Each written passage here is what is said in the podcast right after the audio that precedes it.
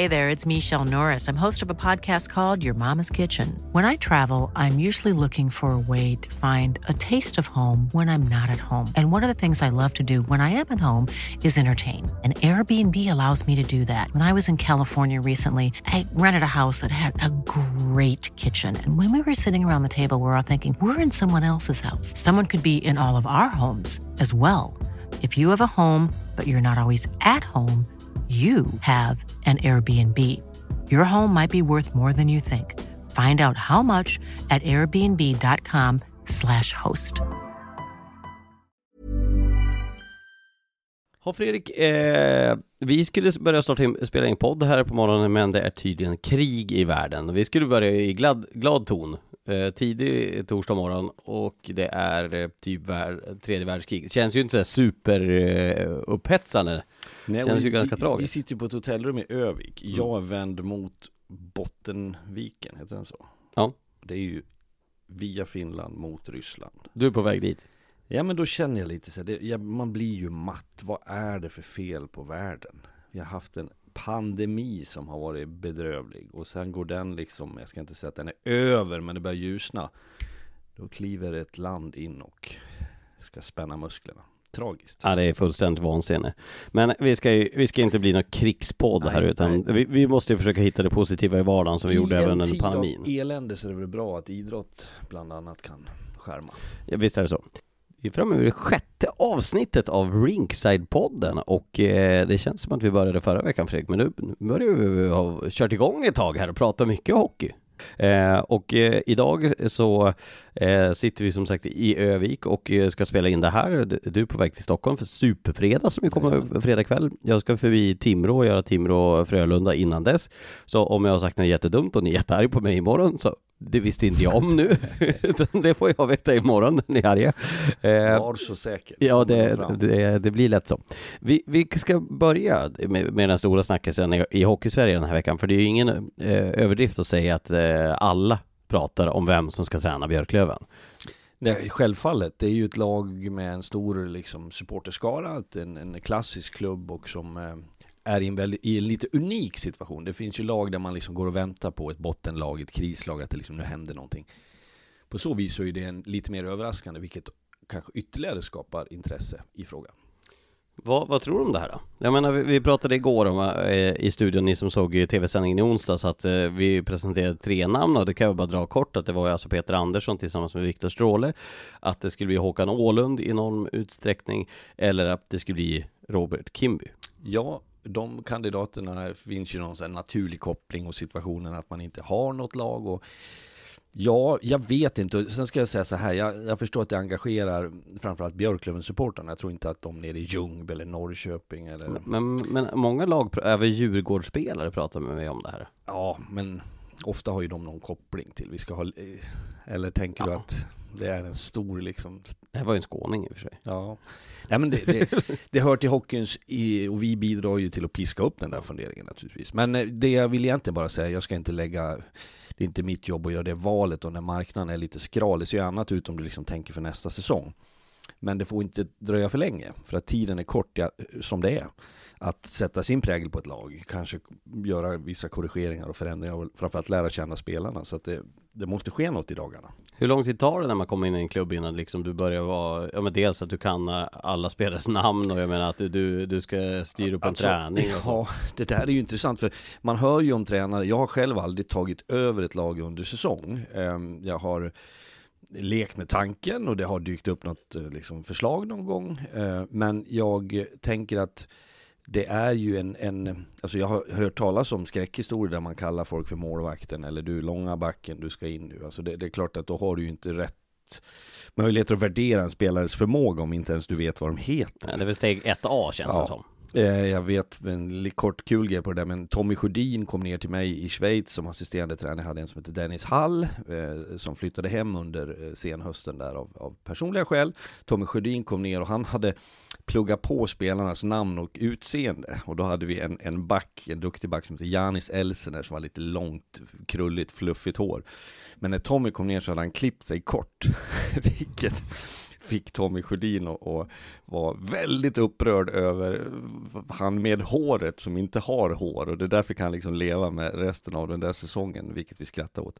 Men jag säger så här, normal, under normala omständigheter, så om jag tar i hårt nu så säger jag att på en säsong från början till slut så hinner du knappt få grepp om alla individer på ett sätt som är nödvändigt. Hur ska du då på ett par månader? Så att jag tror att i den här processen blir det viktigt att det finns folk kvar som kan förmedla någonting.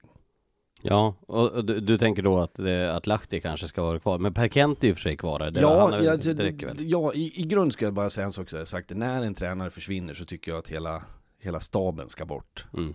I synnerhet om man sparkar, nu, nu var vi inte så fallet i Umeå.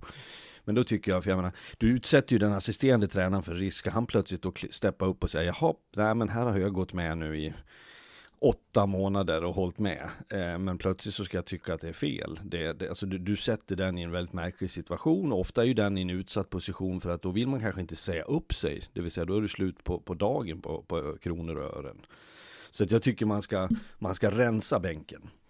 Och Björklöven, jag menar, han har väl kontrakt eh, i någon månad till? Ja, det, den Det kan kostnaden nej, tror jag man kan hantera. Så, så det som jag... Och, och det, det menar jag, det, det här kan vi vara förtydliga då, det är ingenting emot Lahti utan det är snarare mer att om Hans Wallson har gått som har tagit dit eh, Robert Absolut. Lahti så kanske man måste ha in en ny röst även som assisterande med tanke på att de Så eh, ju har kamperat ihop. Ja, och jag tror att det bästa vore om du kunde hitta ett tvåpack som litar på varandra, som kan komma in med ny inspiration och som kan värdera idéer på ett annat sätt och att, att Kente då ytterst får liksom förmedla sitt budskap kring truppen. Vad är tanken i grunden där? Det som också kan vara fördel när man byter tränare, om vi tänker mer kanske i de lag som har besvärligheten längre ner som Södertälje, där får du ju liksom en second chance att, att visa upp dig. Ibland tycker spelare att man hamnar i ett fack, man får inte spela powerplay, man får inte det förtroende. Kommer nya tränare så, så vässar man armbågarna lite och så får man chansen att visa upp sig.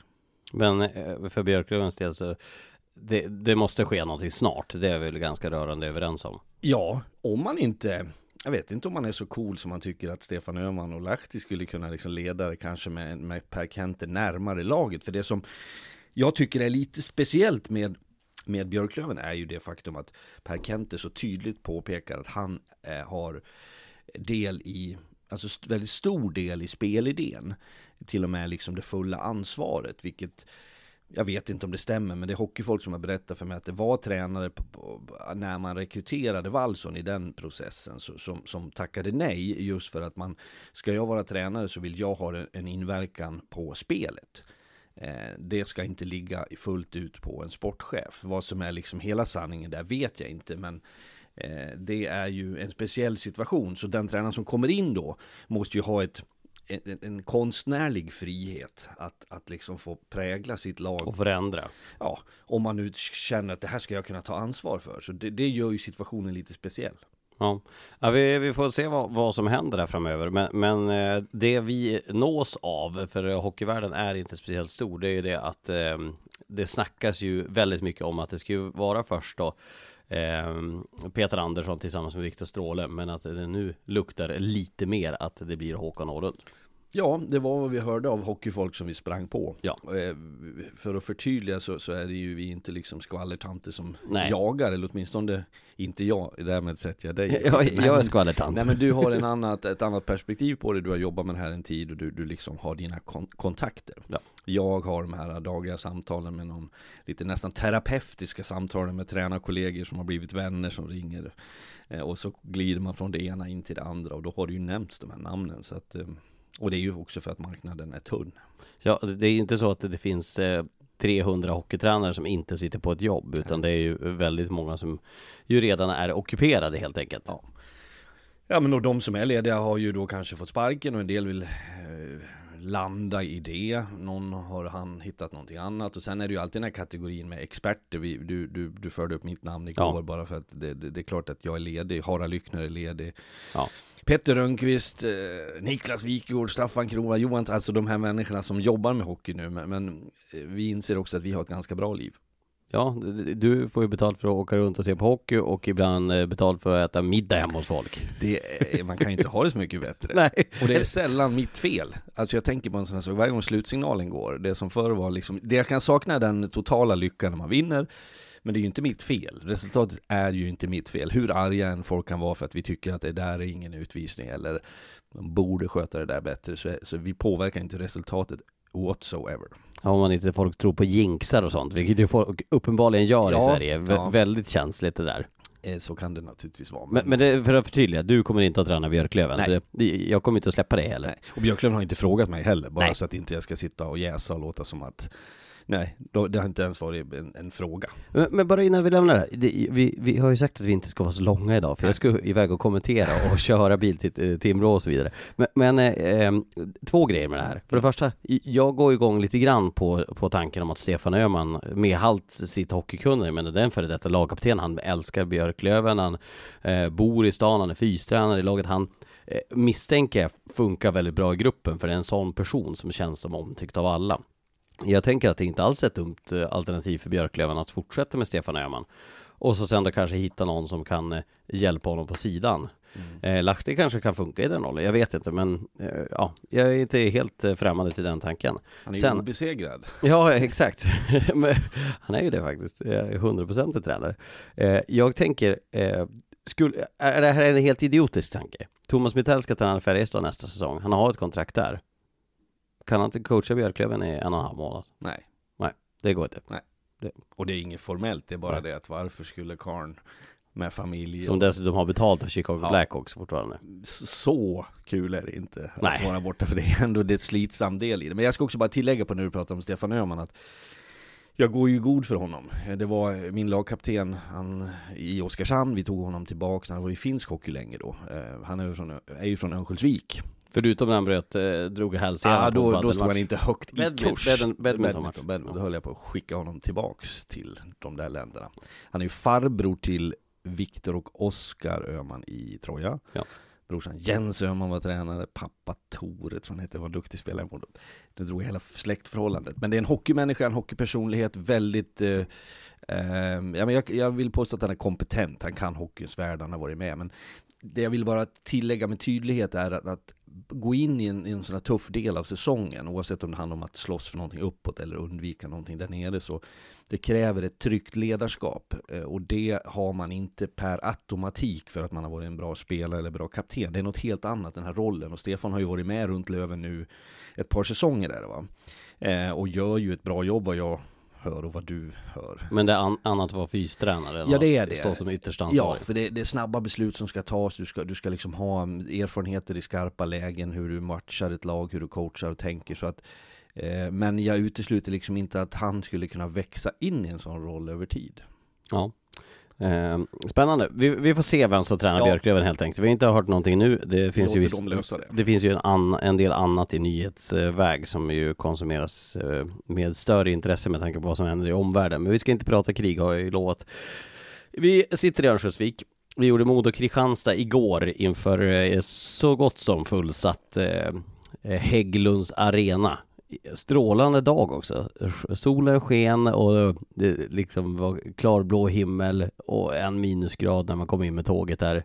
Eh, På tal om att komma in med tåget, du, du och SJ är inte Ja, kompisar nu. Jag har bekymmer med SJ. Det var Fredrik vart sex timmar sen han Ja, skulle till bara lite lätt sådär. Vakna till ett sms. God morgon, god morgon. Ditt tåg är inställt med vänliga hälsningar SJ. Det är liksom inga alternativ att vi hämtar dig med, Men med, med vänliga hälsningar. Ja, det slänger vi in så att man ska landa lite där. Och sen tre inställda tåg senare så var det fjärde ett antal timmar försenade. Och istället för att vara framme halv sex var jag framme tio tiden i Övik. Ja. Att, men jag, de får en ny chans idag för jag ska ner till Stockholm. Ja. Och då valde jag bort flyget, testar det som kallas snabbtåg. Vi får väl se. Snabbtåg. Ja, vi får se. Eh, men Modo Kristianstad i Ja. gårdagens match. Eh, Nikolajs Jelesejevs gjorde första matchen i Modo. Eh, vi fick se ett Kristianstad som vi har höjt eh, varningens finger för. I alla fall jag. Fredrik vill vill gärna slänga in den på min ringhörna. Men eh, vad såg du i den matchen? Jag såg, jag ska ge dig, det, vi gnabbas om det, det för det är vid ett antal tillfällen där du med rätta naturligtvis har ställt frågan, eh, är det, har de lekt klart? har de gjort sitt. Vi går ju tillbaks till hösten Ja. med det tänket. Och sen har det fallit sig på ett annat sätt att man har vunnit och man har fortsatt vara ett topplag och, och hör ju hemma där.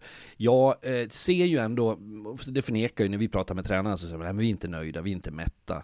Eh, sen vet inte jag vilket det rätta ordet är i sammanhanget, men jag tror att man har uppnått någonting som överträffar sina förväntningar. Och då, det räcker att du tappar några procent skulle jag påstå i den här äh, kampmoralen och liksom karaktären. Eh, och man har förlorat några matcher nu, vilket har förändrat, tror jag, gruppen lite grann. Eh, därmed inte sagt att det är över, men jag tror att det jag skulle vilja säga med Kristianstad, att de skulle behöva komma tillbaka till lite mer frustration och irritation i sitt spel. Alltså de ska vara jobbigare att möta, det tyckte inte jag att jag såg mot Modo. Nej, för, för när, man, när, man, när man stått nära isen och sett Kristianstad tidigare under säsongen så har de ju verkligen varit svinjobbiga Eh, för motståndarna. Det har gått undan, det har varit fly, flygande och hög fart men eh, även också liksom en irritation från spelare och ledare liksom. Eh, ett ganska tufft klimat mot motståndarlag och sådär. Men, men det här känns eh, som att Eh, Ordet är inte, de är inte nöjda Kristianstad, men de har gått, de har tappat någon procent av den yttersta spetsen, det som gjorde dem bättre än laget som kanske hade bättre spelare under hösten. Tror, ja, och dessutom ytterligare en faktor. De kunde rätt länge i 35 omgångar leva på att motståndarna tänkte att nej, så här bra kan de inte vara. Mm. Nu har man, respekten har vuxit tror jag, med tanke på resultat och tabellplacering. Så det gör att det är inget lag som heller kliver ut med fel insats. Jag tycker att Modo igår kom ut och förväntade sig möta ett topplag och spelade därefter. Eh, sen var det inte någon liksom briljant match från Modos sida heller, men det var tillräckligt bra för att vinna och även om det till slut blir 4-3 så upplevde jag det som att det var fullt rättvis Modoseger. Men Kristianstad gjorde match av det och i det så kommer ju också det in den styrkan de har. För det här avslappnade mentaliteten som Kristianstad, när det står 4-1, så upplever jag i båset hos dem att det är, ja men vi kommer kunna göra ett mål. Man förivras inte, man förhastas inte, man trycker inte på panikknappen som vi kan se i andra lag. Eh, bottengängen är ju lite så. Kristianstad har ett bra förhållningssätt till det. Men däremot så behöver man skruva upp det lite till. Mm. Komma tillbaka till den här desperationen kanske det var. Ja, inte desperation i ett stressat sammanhang utan desperation över att få visa upp sig som ju många Kristianstad-spelare har, har fått en ny chans att göra. En Gustav Olhaver, en Linus Pettersson med flera spelare som har varit längre ner på, på eh, hockeymarknaden så att säga, längre ner på, på hyllplanen som ju har fått sin chans att revanschera sig och visa upp sig. Då börjar jag tänka så här, det, det kanske är så att folk redan har gjort klart med nya, eh, nya kontrakt för nä, nästa säsong. Och jag menar, det, då, det vet vi själva att eh, en spelare som har skrivit fyraårskontrakt, han undermedvetet tänker ju, ja men nu har inte någon i Kristianstad skrivit fyraårskontrakt såklart. Men eh, under, under medvetet så går det ju tillbaka någon procent av den enkla anledningen att du helt enkelt har din trygghet säkrad i fyra år. Så kan det absolut vara. Sen tycker jag om jag ska ha hockeyögon på det att man är lite omständigare nu. Man tar lite längre tid på sig. Det är inte det rappa snabba med ett första pass som man flyttar spelet till offensiv zon. Vad det beror på finns väl liksom ingen riktigt enkel förklaring. Sen är man ju beroende tycker jag, Kristianstad, av det här ah, som du nyss berörde och det, det, alltså, här eh, passionerade karaktärerna i spelet. Och det, nu saknade man ju, det var ju lite komiskt, jag var ju på plats redan på morgonen så jag var nere och tog en kaffe och kollade värmningarna där och så började jag surra med en spelare som var väldigt trevlig som hade en, en, en liten underkroppsskada som han berättade för mig. Man har åkt med ändå upp på den här turnén och jag har ett dilemma att jag jag har så svårt att känna igen hockeyspelarnas ansikten. Ser de på isen, då vet jag vem de är. Men liksom eh, så här när man står, jag ska inte säga avklädd, men, men träningsoverallsklädd. Och eh, den här spelaren då eh, berättade att han skulle inte vara med och sen började jag fundera vem det var. Men jag, jag tänkte jag kan inte säga, vem är du då? Alltså jag vill ju inte låta, jag vill ju ändå framstå som att jag har full koll på vem jag pratar med. Varför, varför är man så? Jag- varför kan man inte bara säga, alltså jag är ledsen, jag, jag känner inte Ja, igen dig man med borde ditt göra, ansikte. men så där är ju mitt privata liv Ja, jag gör Herregud likadant. vad jag sätter mig i situation. Jag vet inte hur många gånger man ser stå på Ah. Arlanda och så sen då kommer någon hockeyspelare fram så man ser ju på, man ser ju På 100 meter på man ha 100 lurat. meter, någon skulle kunna stå i en sån här, du vet en sån här gul, eh, som att man jobbar jobbar på Vägverket Jajamän, ute bara- ska till grop. nej, det- Sådana kläder kan hockeyspelare ha istället. För det är ändå mindre tydligt att de är hockeyspelare om de ska ha liksom en egen dress. Vad ser på 500 Ja, ja. meter? Men och här nu, då sa jag, berättade jag sen när vi lunchade där med simor gänget att ja, nej, men jag pratade med här, vem är 77 sa jag, för det, det såg jag liksom på shortsen, noterat, tänkte jag ska kolla upp sen, då säger ju Harald, ja men det är ju Herman Hansson. Ja men det där var ju fan, Herman Hansson känner jag ju lite grann, så det var det ju inte. Sen kunde vi inte räkna ut det där, så skulle Harald ha eh, matchens profil, vilket då var Malte Sjögren. Och sen kom det ju fram att Malte Sjögren skulle inte spela för han var skadad. Och då började jag googla, hur ser Malte Sjögren ut? Och det var ju han jag hade pratat med. Och att jag kommer in på det för att han, han och Herman Hansson exempelvis är ju de som har stått för någon slags kulturell eh, intensitet i Kristianstad. Med att- Dennis Svensson och någonting. Absolut, det finns ett gäng handfull som liksom bär upp det. Sen har man kryddat det med sina importer som jag också tycker var lite blekare. Ja. ja, det tycker jag också. Ja. Jag tycker att de hade en annan spets när de spelade ihop. Sen har de ju uppenbarligen sära på dem för Mm. att det inte har funkat. Nej, och de, de skulle också behöva liksom upp på sitt personbästa nu och i ett slutspel. Mm.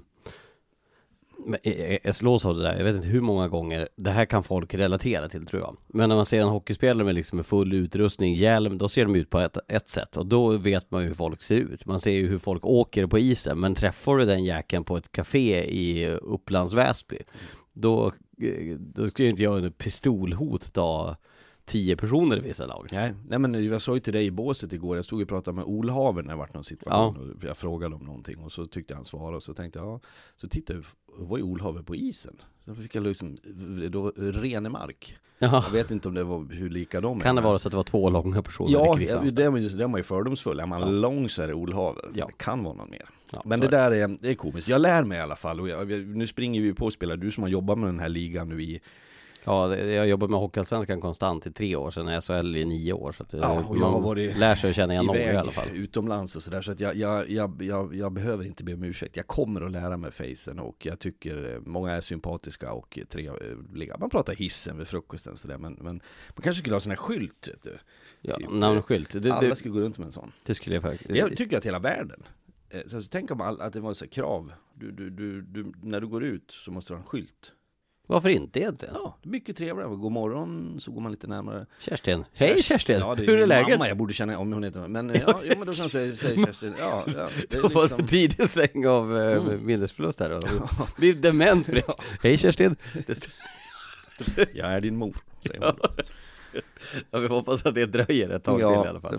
vi Eh, vi, vi går till AIK. Ja. AIK, eh, vi häpnades ju när vi såg Björklöven eh, AIK på Hovet. Hovet eh, med andra ord AIK Björklöven i fredags. Men AIK är på, på riktigt nu. Nu förlorade de 0-1 mot eh, Karlskoga igår, men det, det ska man ju inte skämmas för att göra. Att Nej. åka till, till Karlskoga och förlora med 1-0. Vackra siffror, vi som diskuterar Fredrik gillar ju, vi tog upp det i sändningen, ni som inte såg det, att det, det vart ju eh, 13 mål i en match, 7-6. Eh, mellan Troja och... Eh, jag kan ju säga det. Kan jag säga det där? Ja, ja, ja. Fredrik fick nu ett sms.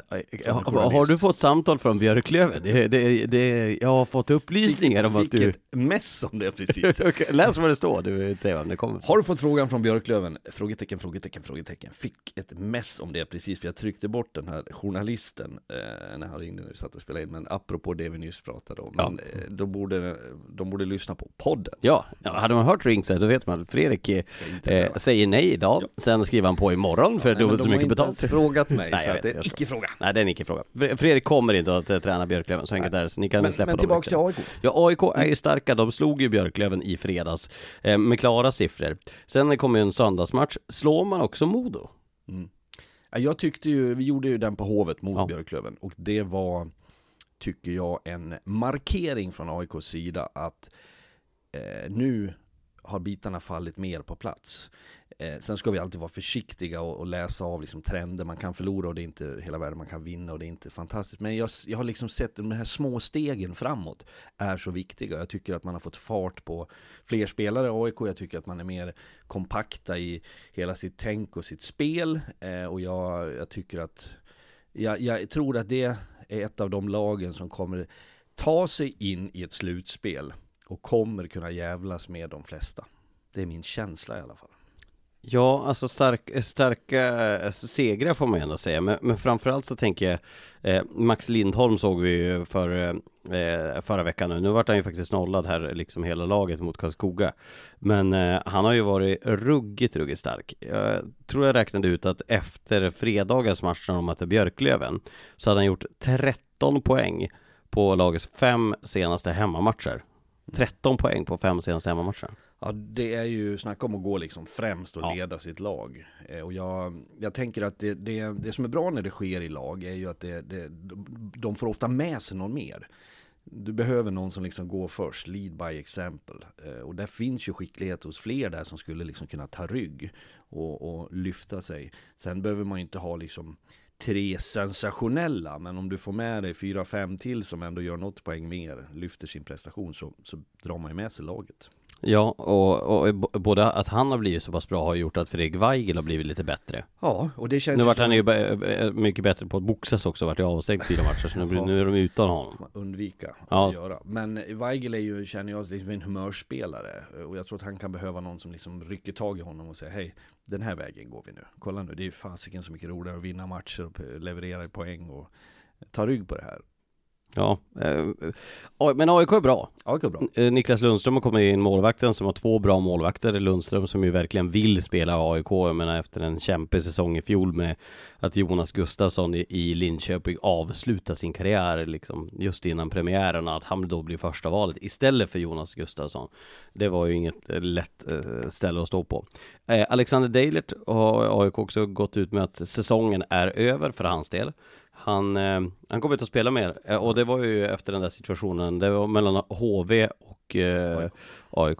Har jag berättat om den situationen? Jag, jag var ju med. Ja, men Eller jag för har berättat i podden Ja, just det, är folk som lyssnar på det här Ja, men- Jag det var du och jag som satt och pratade om. Vi sitter alltid Fredrik, vi, vi ses nio imorgon bitti, så sitter vi i ett hotellrum med en mikrofon och pratar med varandra och så ingen annan ska lyssna. Jag hoppas, Miljöskador! jag hoppas att mamma och pappa lyssnar i alla fall, för det, då, där har vi två lyssnare. Mm. Så det är bra. Om det är för samtidigt så rent teoretiskt blir det bara en lyssning, det är lite trist. Eh, men det jag skulle säga med det här var att eh, det var ju mellan eh, HV71 och eh, AIK under hösten, de möttes ju alla fyra gångerna tidigt under hösten. Mm. Så var det ett bråk, Max Wendlund eh, som eh, då drog ner Alexander Daley till isen, han eh, kliver av matchen. Och efter det så, så ska jag gå på toa, och det, det kan man snabbt, snabbt springa och göra under periodernas gång när, de när vi står där nere i studion, så hinner man snabbt springa och, och gå på toa. Och på väg ut där så träffar jag LO, våran studioman som kontaktar spelare för att ta dem till intervju. Där, då frågar jag honom, hur, hur gick det med Deilert? Eh, nej, men han, han är och går där borta, så att jag tror inte att det är några bekymmer alls. Och då eh, så gick jag mot toaletten då och då, då kom en, en, en förvirrad person som sa det att, ja men var är mitt omklädningsrum? Och då sa jag det att, ja, men det är ju där, du står ju vid det, du står vid dörren, jag ser din plats. Eh, men då märkte jag att det, det, han hade ju fått en rejäl smäll mot huvudet. Eh, så jag, gick, jag sprang ut i båset och hämtade då lagläkarna. Det visade sig sen att det, det, var ju inte bara ett bråk utan han hade fått en rejäl smäll mot huvudet. Så jag hoppas verkligen att det är bra med Alexander Deilert för det är ju inget gott tecken att han Nej, är det fortfarande inte kan spela. Det såg ju olustigt ut också. Jag tycker det här är värt att belysa kort bara. Men det, det finns ju de som, som gärna romantiserar det här med slagsmål och fight. Att ja men du ska, du ska stå upp. Och.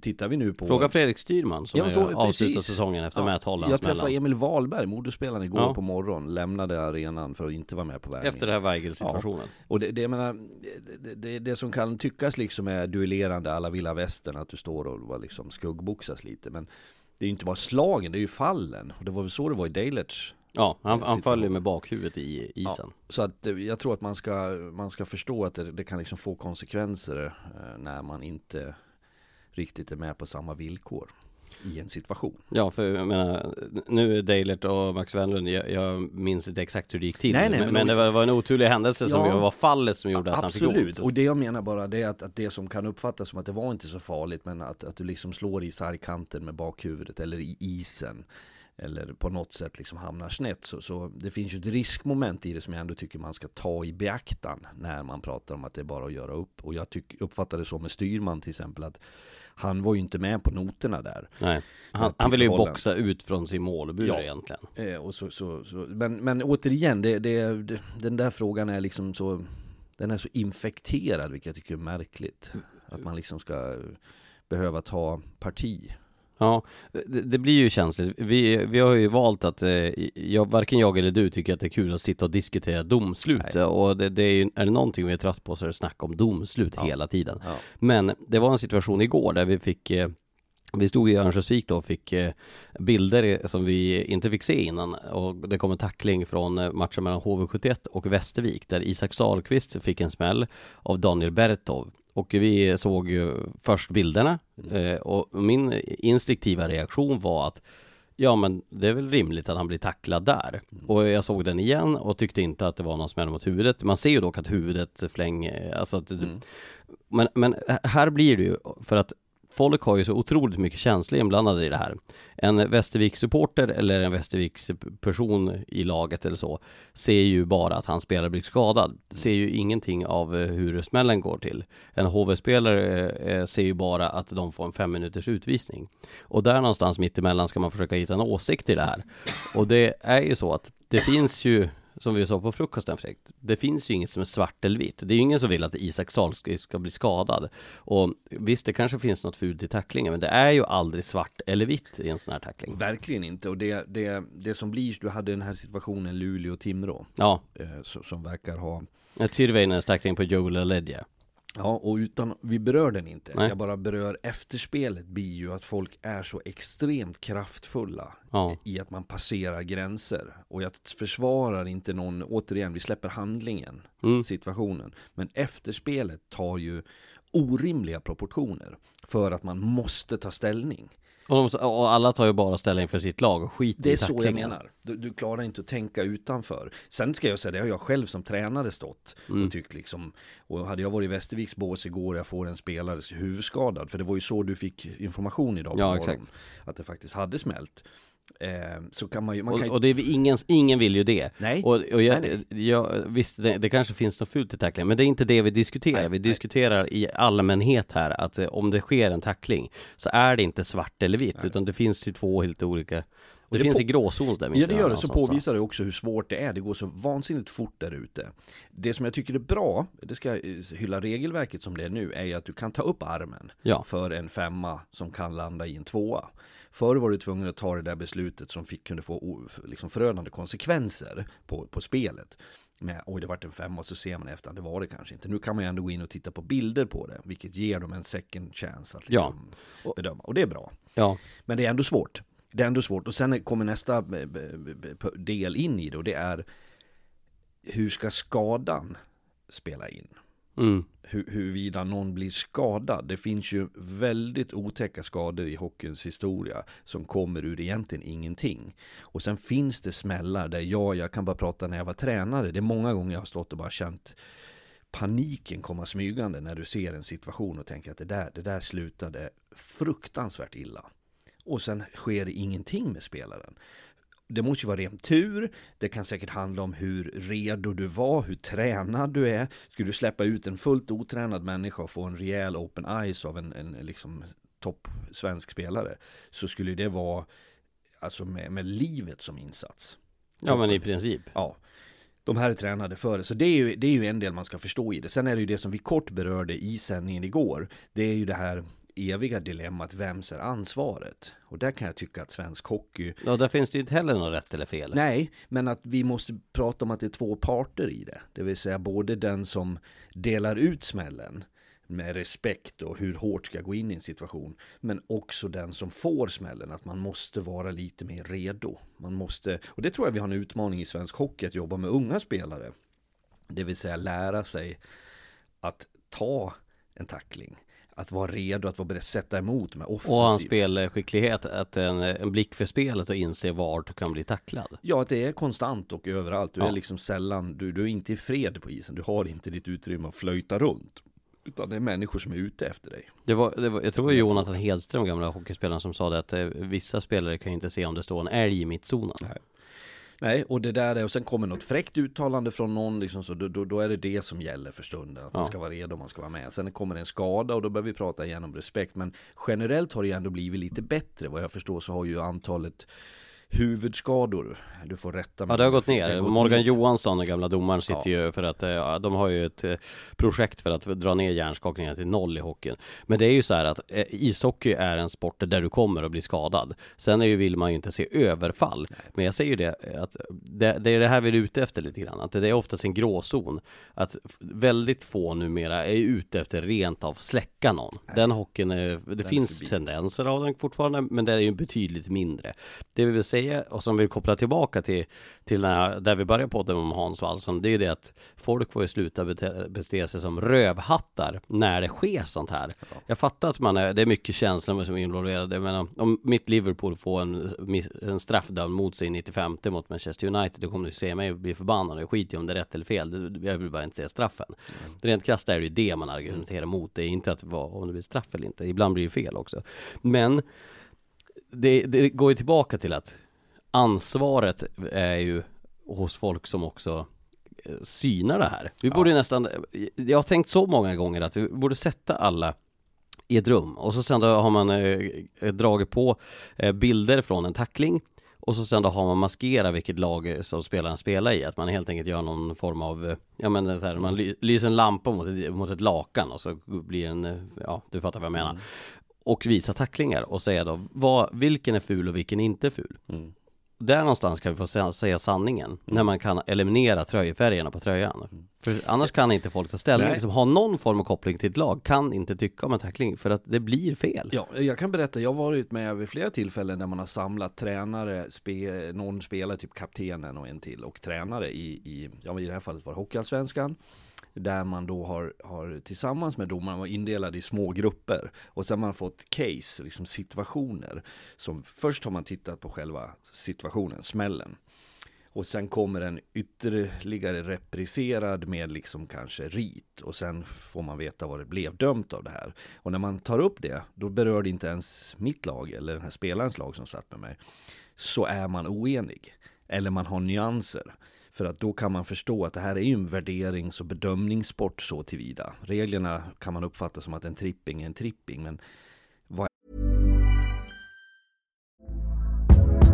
Hey there, it's Michelle Norris. I'm host of a podcast called Your Mama's Kitchen. When I travel, I'm usually looking for a way to find a taste of home when I'm not at home. And one of the things I love to do when I am at home is entertain. And Airbnb allows me to do that. When I was in California recently, I rented a house that had a great kitchen. And when we were sitting around the table, we we're all thinking, we're in someone else's house. Someone could be in all of our homes as well. If you have a home, but you're not always at home, you have an Airbnb. Your home might be worth more than you think. Find out how much at airbnb.com/slash host. kliver han på klubban. Kommer, alltså, det går ju att vrida hur många varv som helst, men det som var tydligt för mig då var hur, hur, hur svårt det är att värdera. Men att det ändå är lättare när man är, när är neutral. Och det, det kan ju tyckas vara då för oss som är neutrala som jobbar med tv och liksom Ja men det är de människor som du ska hantera. Jag Ja. menar ligger någon utslagen och ändå tycker att eh, tacklingen inte var ful. Nej. Så ligger du fortfarande och spelar utslagen. Verkligen. Men just att känslan kommer in som supporter, det, det förstår jag, det kanske är ofrånkomligt. Sen behöver inte steget från att man är djupt upprörd gå till att man idiotförklarar folk med mail eller på sociala medier Ja. eller liksom beter sig som en, som en garning där. Det, det tycker jag, det hjälper ju inte det hela. Men det, jag tror att vi slåss mot väderkvarnar för att det här kommer att... Det kommer aldrig att bli någon ändring på det här. Eh, från det så kan vi Ja. lämna till något roligare, nämligen hockey. Och då tänker jag att vi ska prata om eh, Vita Hästen Södertälje-serien, matchserien som är igång. Det började i tisdags. Eh, och de möts ju igen fredag. Och eh, sen eh, möts de igen på söndag och sen om två veckor till igen då för att avgöra vilket lag som inte ska spela det negativa kvalet. Och det, här- det här berörde vi i förra podden. Just nu är det så med tanke på att Troja vann i den roliga matchen som jag tyckte, Fredrik tyckte var tråkigt, det var mycket mål, vi kommer till det. Eh, så är det så att Troja har 38 poäng, Södertälje har 43, Vita Hästen 49. Det här innebär att eh, med Södertälje dessutom med en match mer spelad än Vita Hästen. Jag skulle säga att Södertälje i princip måste vinna. De kan inte ta de måste ha fler poäng än Vita Hästen efter den här helgen av de här två matcherna. Eller egentligen efter de här tre matcherna. Jag skulle säga att, att eh, en seger ordinarie tid, en seger i förlängning är det nästan det minsta som Södertälje behöver från den här helgen. Vi var inne på det tuffa spelschemat som de här lagen har sen. Men Södertälje, de måste vinna någon av helgens matcher, annars är det kört. Jag eh, kan inte bekräfta dina liksom, eh, matematiska uträkningar om jag låter dem vara och tänker Ja, men att, tänk, ja, men du har ju, du har ju tänk, bara poänger på, i det. tänk bara på det du säger om matchen i Absolut. tisdags nej, men, nej, men, Ja men du, jag menar inte ifrån, jag tror du vrider ju på det nu på ett bra sätt Ja, men Det är ju jag- så, du sätter det liksom i Jag fick tänk- rätt för en gångs skull. Ja, nej men jag tänker bara säga att det, det förvånade mig lite grann att det såg ut som det gjorde. Jag såg större delen av matchen Södertälje-Vita Hästen på tåget med allt vad det innebär. På det försenade tåget med begränsad eh, parabolkontakt eller Ja. vad det kallas. Eh, där såg jag ett Södertälje som, ja, kort ska jag summera Södertäljes situation. Jag upplever att man har dragit till sig tillbaka. Man spelar mer försiktigt. Det får jag bekräftat när jag pratar med motståndartränare. Man är mer kompakta, man är samlade, man blir defensiva. Vilket jag tror är rätt väg när du möter de bästa lagen. När du behöver försvara det. Vi såg dem mot HV71 där de i 41 minuter orkar stå emot. Du gjorde det bra. Sen kommer en 2 plus 2 utvisning, två mål och så liksom är dammluckan öppen. Eh, man gjorde det hemma mot Modo, fick med sig en poäng från straffläggning tror jag det var, och man slog Björklöven. Mot de lagen som är längre ner i tabellen, där är strukturen mindre hos dem. Vilket gör att då blir det svårare, det här låter lite motsägelsefullt, men det är svårare att försvara sig på det sättet mot de, jag, jag säger sämre lagen och då menar jag placerade. Eh, de, de är mer irrationella. Det är mer liksom oväntade situationer. Jag tyckte jag såg det i den här matchen Södertälje-Hästen. Att där var det ett Södertälje som skulle spela samlat och smart mot ett Vita Hästen. Som lirkade upp det där. Och det ledde till en stabil seger för hästen. Och, och en seger som gjorde, dessutom gjorde att man sätter lite frågetecken, hur ska Södertälje klara det här? Södertälje har ju haft liksom en stökig säsong. Ja, det var väl kanske ofrånkomligt det som skedde med tränarbyte. In kommer Hånberg och Lidström med erfarenhet och med passion och de, de har liksom en, en tanke om hur man ska lösa det här. Eh, tittar man på poängskörden till exempel tycker jag är intressant i Södertälje. Där är det, vet du vem som leder poängligan i Södertälje? Nej, Brett Pollock. fortfarande? Ja. Han är, det är 20 matcher sedan han drog. Ja, det säger lite grann om vad som har skett. Sen har du Gustav Willman Borvik eh, som jag gillar det jag sett. Jag har haft koll på honom tidigare men jag tycker han har vuxit under säsongen. Han har karaktär och attityd. Mm. Men han är då eh, ledande i poängligan just nu på 22 poäng om vi räknar bort Pollock av förklarliga skäl. Ja, där har det en stor del i Ja. problematiken. Det är för få liksom som, som kliver upp och levererar. Eh, så att tittar du på, på topp 8 så, så har du Erik Ullman är där, Andreas Hjelm är där, Anderberg är där. På topp 8, ja, det, det, det låter ju inte jättebra alltså. Nej. Det, där kan det ju ligga en förklaring. Sen eh, vad det nu, för, för ställer man det mot Vita Hästen så jag tycker en sån här spelare som jag hade med han på någon lista som en sån här slutspurtskaraktär, Marcus Eriksson. Som har, har gjort Såg du målet han Ja. gjorde? Han, eh, eh, stäm, alltså, han slår ner klacken på klubban eh, och drar en, låtsas att han ska droppa den. Mm. Men drar fram den igen och så skickar han in den på mål och så 3-1. Det, är hög klass. det drar ju till i brallan kan jag säga på mig när sånt där sker. Ja, och det, det, det, är ju, det, är ju, det är ju klassbesked. Och det jag menar, tänker ur ett tränarperspektiv igen, är när du går in i ett sånt där skarpt läge av säsongen så vill du ha någon du litar på, som du vet liksom, som leder trupperna. Och det, det, det gör ju Marcus Eriksson. Eh, jag tycker också då han är Colby Sisson som har spelat vansinnigt mycket, snittar över 26 minuter Ja, per han, match. han är jämnt på isen. Ja, och dessutom leverera poäng. Så att de har nog Marenis, eh, ja, det, det går att, Ilestedt har varit pigg och fräsch där och, gör sina pinnar. Så att Vita Hästen har ju en bättre trend. Ja, sen har de fått igång ganska många spelare. Joshua Wilkins har varit bra. Marenis har vi pratat eh, otroligt mycket om. Ilestedt om än han gjorde den här matchen, han gjorde 4 plus 1. En Oskar Öhman-kväll, eller om eh, Oskar Öhman hade en eh, Fabian Idestedt-kväll, vi kommer till det. Men nu har han ju varit ganska konsekvent i sitt poängmakande, Fabian Idestedt, producerar match efter match efter match. Och eh, Corey Mackin, ser man på Vita Hästen nu, jag fattar ju att man inte släppte Marenis och Colby Sisson som vi vet att de hade bud på, för att de skulle överleva den här matchserien. Men eh, just nu så ställer ju Vita Hästen ett ganska bra lag på slutspelet. Det var en person i hockeyvärlden som vi pratade med här i närtid också som sa det att jag tror inte jättemånga vill möta Vita Hästen i en åttondelsfinal. Sen de kommer ju inte gå till semi liksom, Vita Hästen. Men eh, det här är ett ganska bra lag som Vita Hästen har på pappret nu när de har fått tillbaka en hel del spelare. Ja, och det gäller ju för alla lag. Det är ju en sån här faktor också så här den här tiden på säsongen. Och det kan väl vara lite tur naturligtvis. Det finns skador du kan åka på som är liksom helt oberäkneliga. Eh, men, men, att du har många, eh, många spelare tillgängliga nu. Så att du har liksom fortsatt träna bra, du har bra konkurrens och att de ledande spelarna är pigga och fräscha. Det gör ju naturligtvis sitt till. Eh, ska vi, vi måste hylla här också. Ja. Eh, Hockeyallsvenskans bästa fan just nu leder ju eh, klart, leds klart och tydligt av Tora, Vita Hästens fan. Alltså hörde du? Hon har varit på alla arenor i Hockeyallsvenskan den här säsongen. Det har inte ens, det har inte ens jag varit. men men det, det har ju schemamässigt att göra att ibland är man ledig. Men, men det är ju helt otroligt alltså. Ja det är, det är faktiskt riktigt mäktigt. Jag har sett att Hockeyallsvenskan har någon sån här man får på deras eh, Instagram. Ja, exakt. Eh, man får checka av var man har varit. Jag vet, jag tänkte i början sådär någon som hade Ska varit... du vara med på det? det var ju roligt att du skickade, hej, hej, hej! Fredrik, Fredrik, jag, Fredrik, jag har varit i de flesta hallar. Fredrik, dryga 30 år. jag, ikväll besöker jag Himmelstalundshallen första gången. jag ska få en autograf av Marcus Eriksson. Nej men det, det, det tycker jag är snyggt. Det, det, och det, bara kort berörde det men alltså... Både målvakt i, i, i LHC och eh, även målvakt i Vita Hästen. Jag, jag, har ingen vidare info om det, men jag läste det på eh, hennes sociala medier. Det tycker jag var lite häpnadsväckande. Eh, Tora, hon är väl ett, eh, mellan, eh, ja, ska jag inte säga, men hon spelar i eh, TKH 13. Jag antar att det är tjejer och killar 13 ja. eller någonting, så att det är väl TKH, Tre Kronors Hockeyskola? Nej. Kan det vara det? det då är man min... Jag strunt samma. Ja, hon är där någonstans det i ålder. säkert en duktig hockeytjej, men det är framförallt en fantastisk supporter. Ja. Och att eh, jag förutsätter att det är mamma eller pappa som också åker med, annars ja. skulle det kännas lite Mamma Linda ja. eh, Från det eh, så tänker jag att vi, vi ska prata om eh, gårdagens stora eh, bråk mellan Fredrik Söderström och Lars Lindberg. Ja!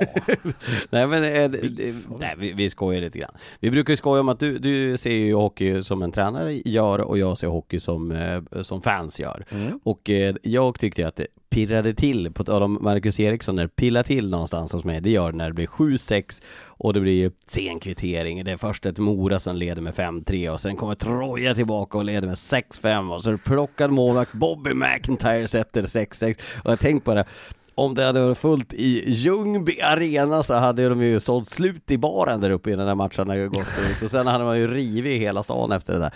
Den, eh, jag, tänker på det som hur fansen ska må. Jag tänker att mm. vinna en sån där match efter att ligga under 3-5 och så sen okej okay, förvisso nu tappade ju Troja till sex lika i slutet där när Bobby McIntyre kvitterade. Men också avgörande från Oskar Öhman som gör så fyra mål och en assist i matchen. Det är snyggt.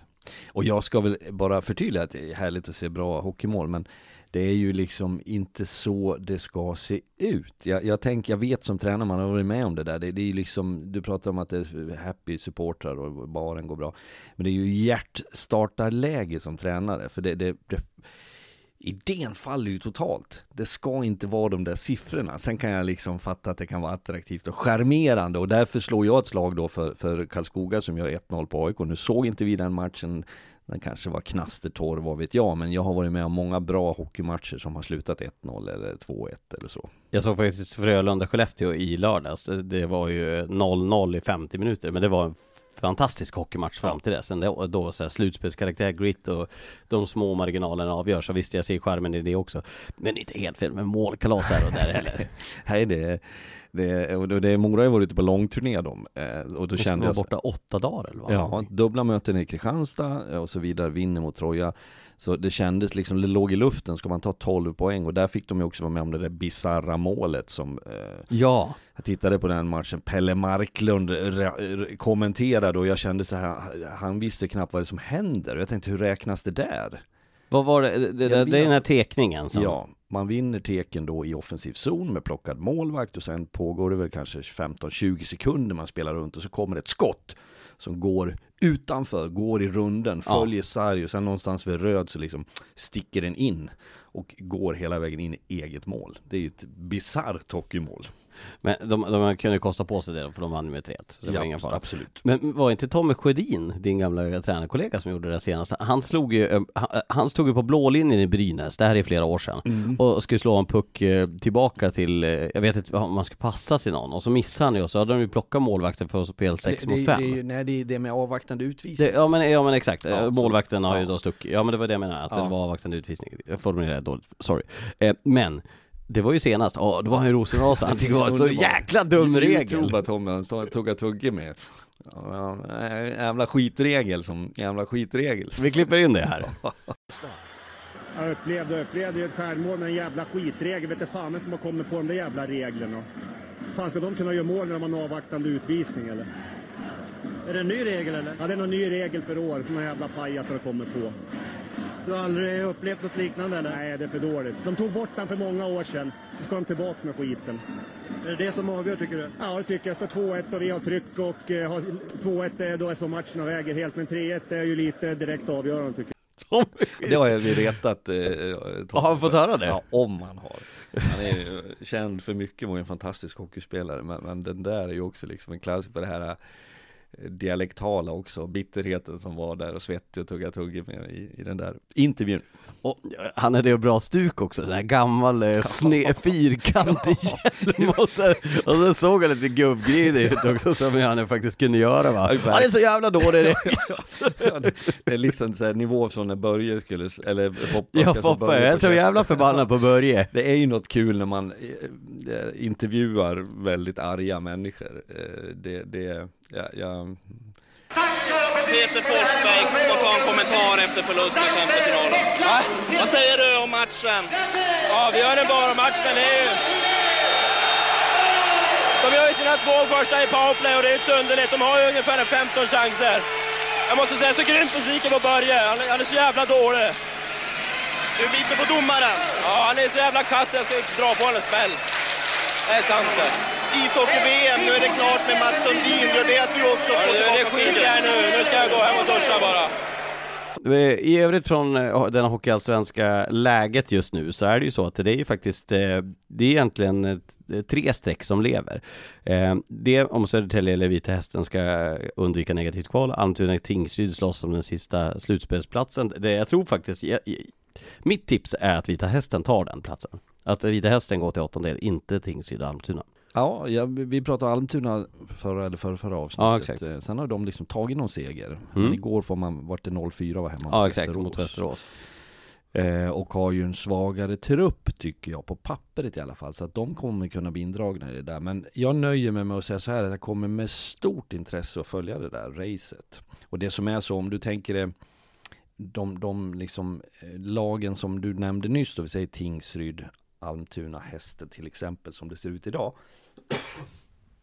De kan ju teoretiskt Vad skönt att du kan hosta ut den här, så jag tänker så här, nu sprider han antrax Ja. rätt i ansiktet på mig. men lite så här, morgonseg bara. Men de tre lagen men, kan ju... men hoppa inte till så det kommer en, en smäll från stolen för då hoppar jag under sängen här för då, då kommer Putin hit. Så det vill vi inte vara med om. Eh, nej men de här tre lagen eh, är ju, skulle ju teoretiskt kunna spela säsongen 22-23 i SHL.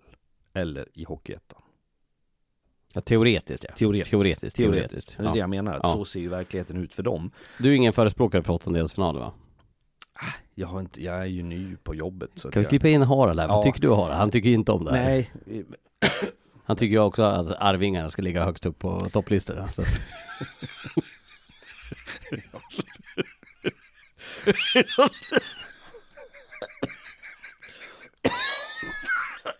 Vi kan inte hålla på och spela in så här. Varför spelar vi så tidigt och sent hela tiden? Det var helt... Men just det, man sa den vaken, man klarar inte av att man får så att... Eh, Ja, vi, vi måste tänka över våra Text och rutiner. musik. Harald Lyckner,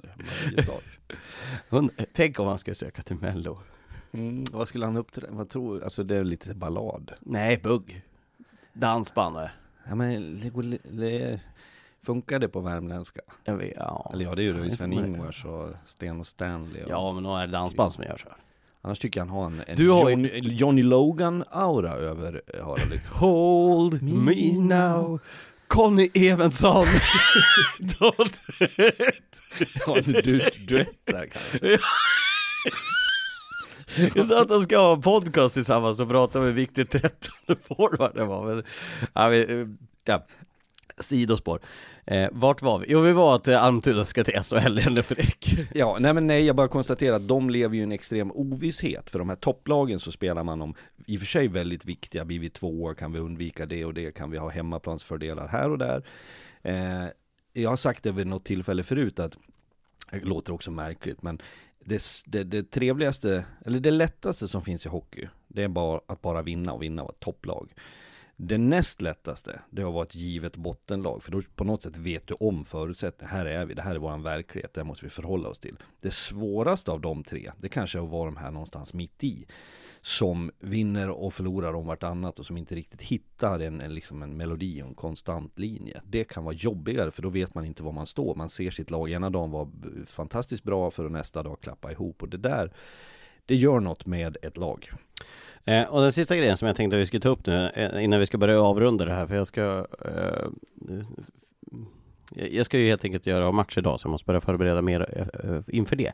Eh, HV71 eh, leder ju just nu tabellen med 8 poäng. Har två matcher mindre spelade än Modo. Det är ju väldigt, väldigt mycket som tyder på att HV71 kommer vinna grundserien.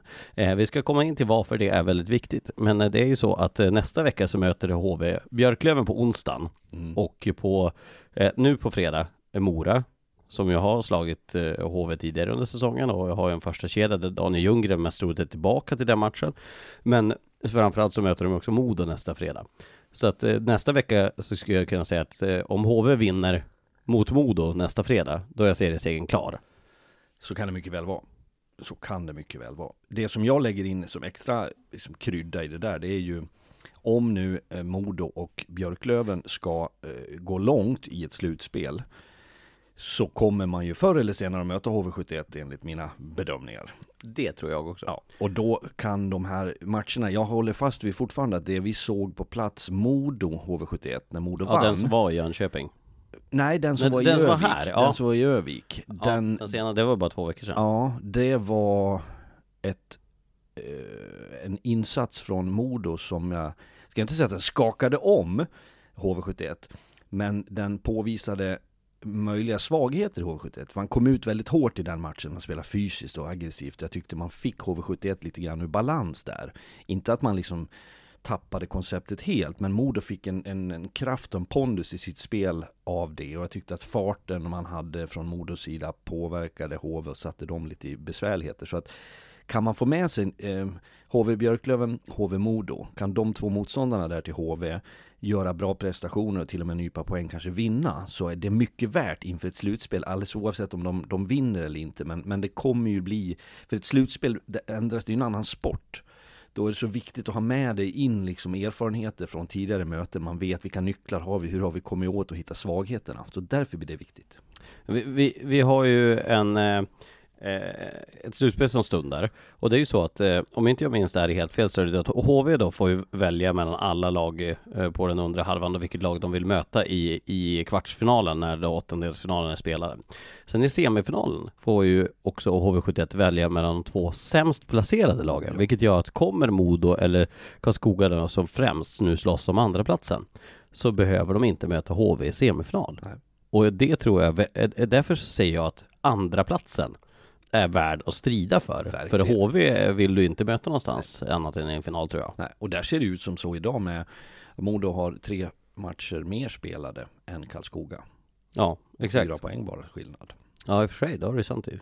Så Karlskoga kan ju definitivt blandas in i det där racet. Ja, ja. Men eh, eh som utomstående betraktare så mm. tänker jag att det roligaste hade ju, om vi säger att de, de, de lagen som är topp fyra nu skulle gå till en semifinal, om det då skulle vara HV71, Modo, Karlskoga och Björklöven, så hade jag tyckt att det var kul att se ett Norrlands derby i den ena semifinalen och Karlskoga HV i den andra. Men det är ju bara, bara av eh, rent intresse för matchserierna som jag Ja, det kan jag hålla med om. Det, det där är ju tveklöst eh, heta bataljer som kommer att utspela sig. Sen kommer du, ska du väva in det faktum, det som är med att välja.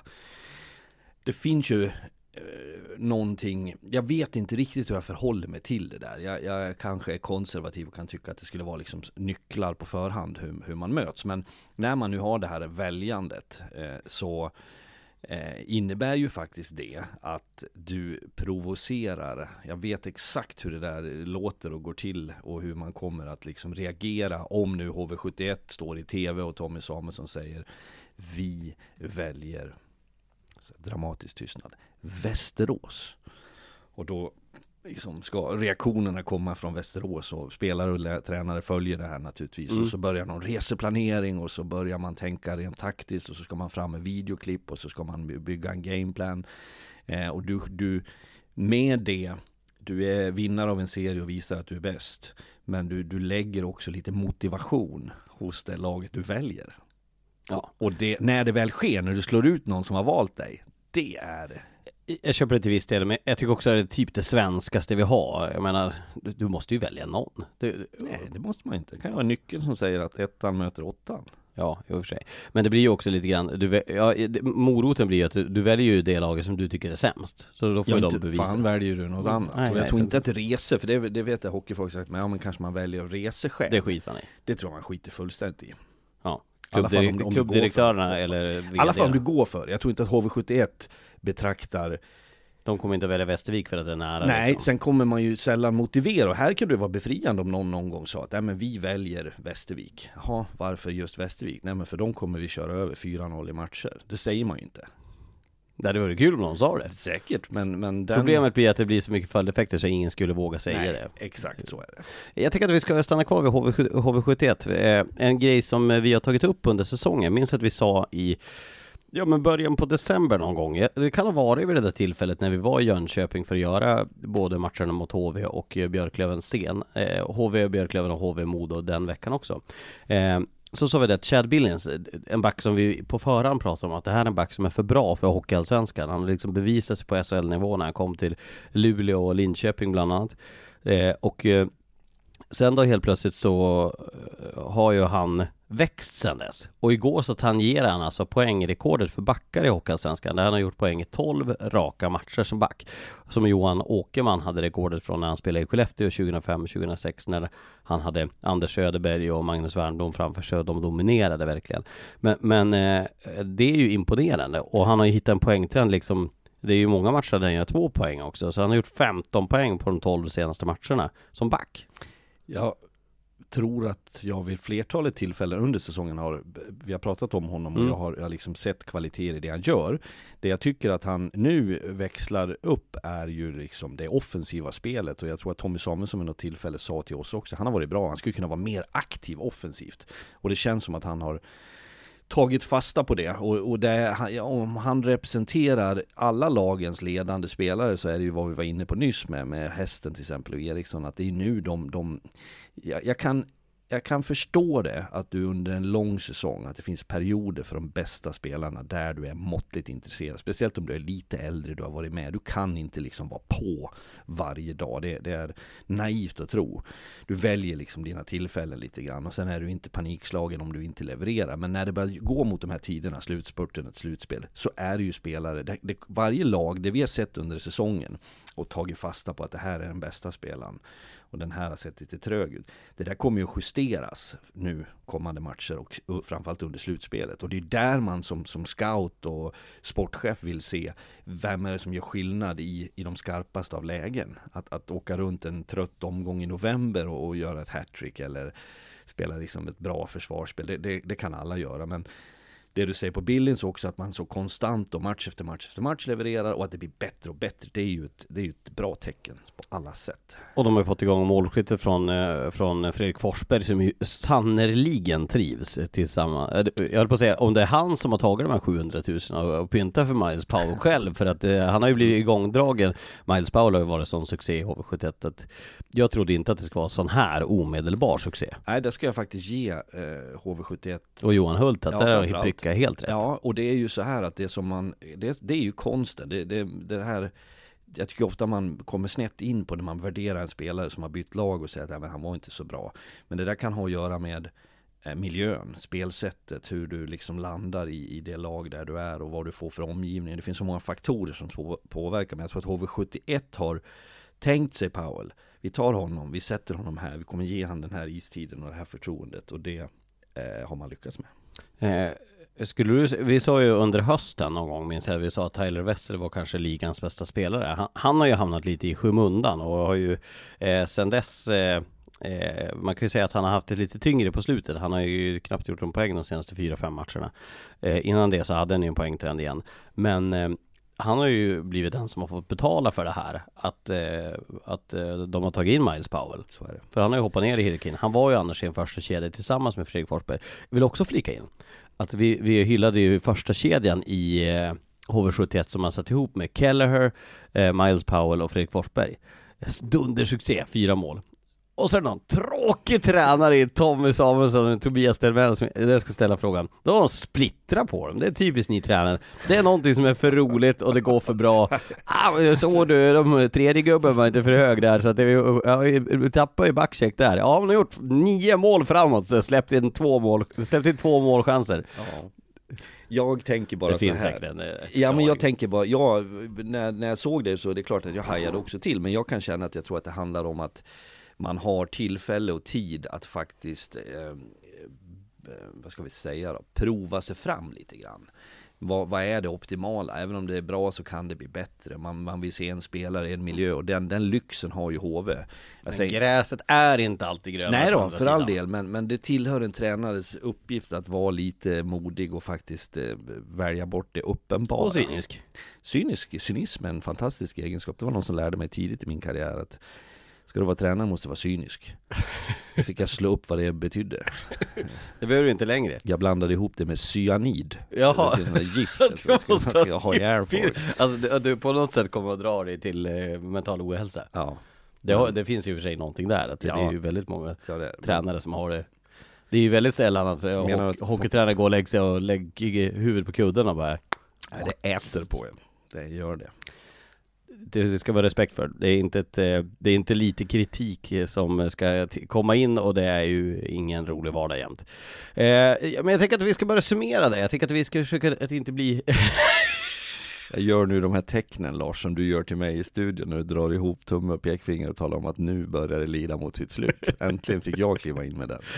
Är du nöjd med den va? Ja, den är bra. Jag, tyckte du fäktade på rätt duktigt senaste matchen. Jag och Harald kommer ju en vacker dag åka på en rejäl smäll när du kör ut bommen. Ja, det, det betyder att här kliver du inte in, Nej. för det, nu, det finns ingen tid för det. Nej, det är tydliga besked. Ja. Men superfredag Ja, är det ju när folk, om de lyssnar på det här på fredag när det är tilltänkt, det, det, är ju tidlöst ganska mycket, för vi pratar ju generellt, men eh, på fredag är superfredag. Mm. Eh, 17.30 till eh, 23.30. Mm. Först Mora då, mot eh, HV71. Och så sen andra delen då mellan eh, Vita Hästen och Södertälje från Norrköping. Det känns ju som en mi- minst sagt trevlig fredagkväll. Och, och på det då, ytterligare fem matcher. Björklöven-Kristianstad. Det är en fin match att börja 19. Vi har, vi har en härlig fredag framför oss. verkligen. Och jag bara kort summerar och säger så här, Mora har en bra trend, även om man torskade nu på straffar. Eh, Mora har vuxit och vill ge sig in på allvar i jakten om topp eh, Sex. 6.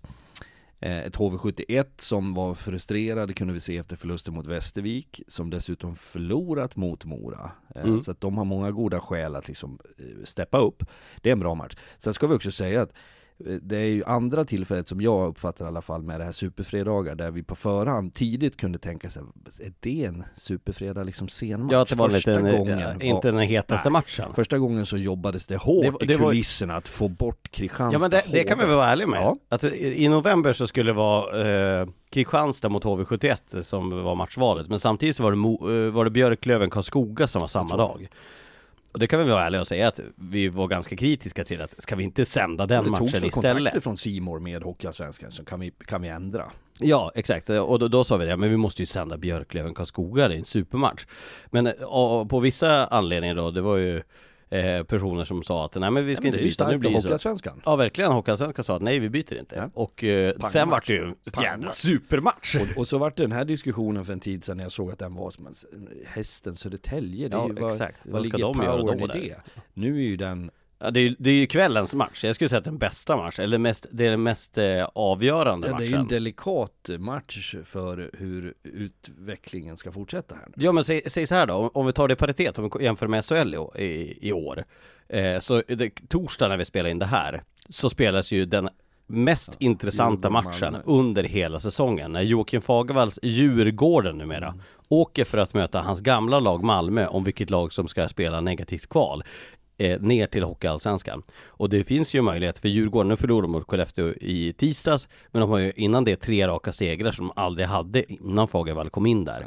Vilket gör att eh, den dramatiken är att eh, gamla tränare kan spela ner det laget, det är liksom en, det är ju inte sexpoängsmatch, 12 poängsmatch, nej men alltså, den är ju så viktig den så att det, det. finns ju inte och, och det går, det, ingen kan säga något annat än att det är den viktigaste matchen som spelas i SHL den det här säsongen.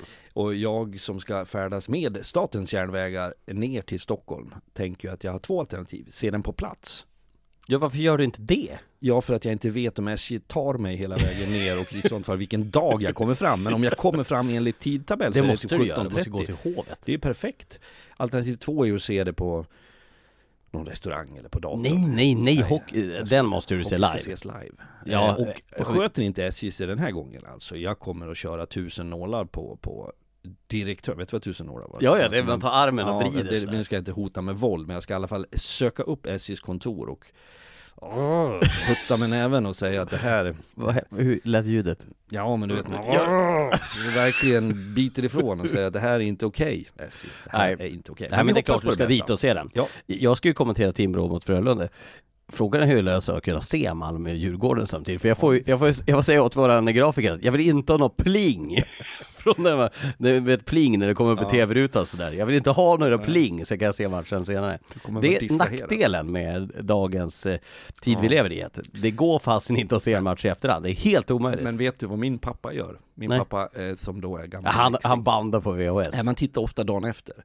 Men när han tittar, han vill inte titta på Leksands matcher direkt, han gammal spelare där, för han, han tror att tittar jag så, så går det åt skogen. Och Är då han har så uppför? ja, och då har min systers son som heter August, innebandyspelare, för några år sedan, han sov där någon natt, han var barn och var, de var barnvakt. Så fotade han en bild och skickade till oss syskon, alltså barn till min far och mor då. Där han lagt en handduk en sån här stor 65-tums TV. Handduk i överkant, så när plingen kommer så ser inte han då att det har blivit liksom mål i någon annan. För då kan han sitta och se matcherna i efterhand sen utan att veta om. Det är ganska liksom brutalt. Blir det studio så tar han bort. Gör de om kommentatorn på plats då? Tänk om jag hade suttit och kommenterat så hade det Nej, också, då- "Åh, kolla Leksand har Gör inte det! För då kommer Danny Söderström och kontaktar och dig. jagar dig. Jag har Ja. sett han med, med snöskyffen utanför Ja. ditt hus, alltså det är livsfarligt. Ja, han är ju en fantastisk man som skottar åt mig. Jag är, jag är lite bekväm av mig, så här, kommer det snö så tänker jag förr eller senare kommer någon hem till mig. Och så måste Då måste de skotta sig in för att jag ska kunna bjuda på kaffe. Ja, det, det är ingen dum idé. Ska vi summera det avsnittet då? Ja, Eh, vi har ju blivit otroligt dåliga på det här med att ta in lyssnarfrågor. Det är jag som har den ansvaret. Men jag, jag lägger brasklappen att det är matcher för ta med tusan varenda dag nu. Att, eh, då jag får jag vill komma gärna... med ett förslag till dig. Ja. Skulle vi inte kunna ta ett avsnitt som bara bygger på, Till lyssnarfrågor? Ja. ja mer eller mindre då? Eller Ja men det kan vi absolut göra. Vi kan kan förhandla. göra. Men ska vi göra det nästa gång då? Ja. Fast nästa torsdag har vi, då är vi både på plats i Jönköping, då har vi ju, då, sk- då är, åh, åh, åh, det är ju första torsdagen i mars! Jönköping första torsdagen i mars! Är det marsipantårta? Men alltså på riktigt, jag, jag tror inte jag blivit så lycklig eh, sen jag fick, eh, sen jag blev pappa, när jag läste att vi är i Jönköping första torsdagen i mars. Nu Nej, börjar nej, nej, Läsp också de läspar ju inte det. Nej, Första torsdagen i mars. torsdagen i mars. Första torsdagen Det är i ju helt otroligt Ja. roligt. Det är du och Annie Lööf som går igång på det där. Ja, det är vi jag. två. Jag Jag och Annie. Jag ska Ja. bjuda henne på mars- ma- marsipantårta. Nu läspar jag igen, marsipantårta. Vi har sagt att jag och dialekter ska fan lägga ner. Alltså. Ja, ja det, det var nog om det här avsnittet. Men vi, vi ska ta in lyssnarfrågor så Ja. småningom. Eh, men nästa gång när ni hör det här så är det alltså eh, när vi spelar in nästa gång, då är det första torsdagen i mars. Ja, det där vart det bra. Otroligt kul.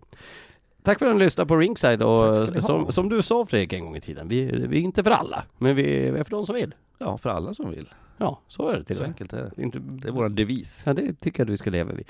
Ta hand om er och eh, ha det gött och så missar ni inte Superfredag eh, den här fredagen som det här avsnittet släpps. 17.30 kör vi igång. Först Mora och HV, sen Vita Hästen mot Södertälje. Ta hand om er! Hej med er.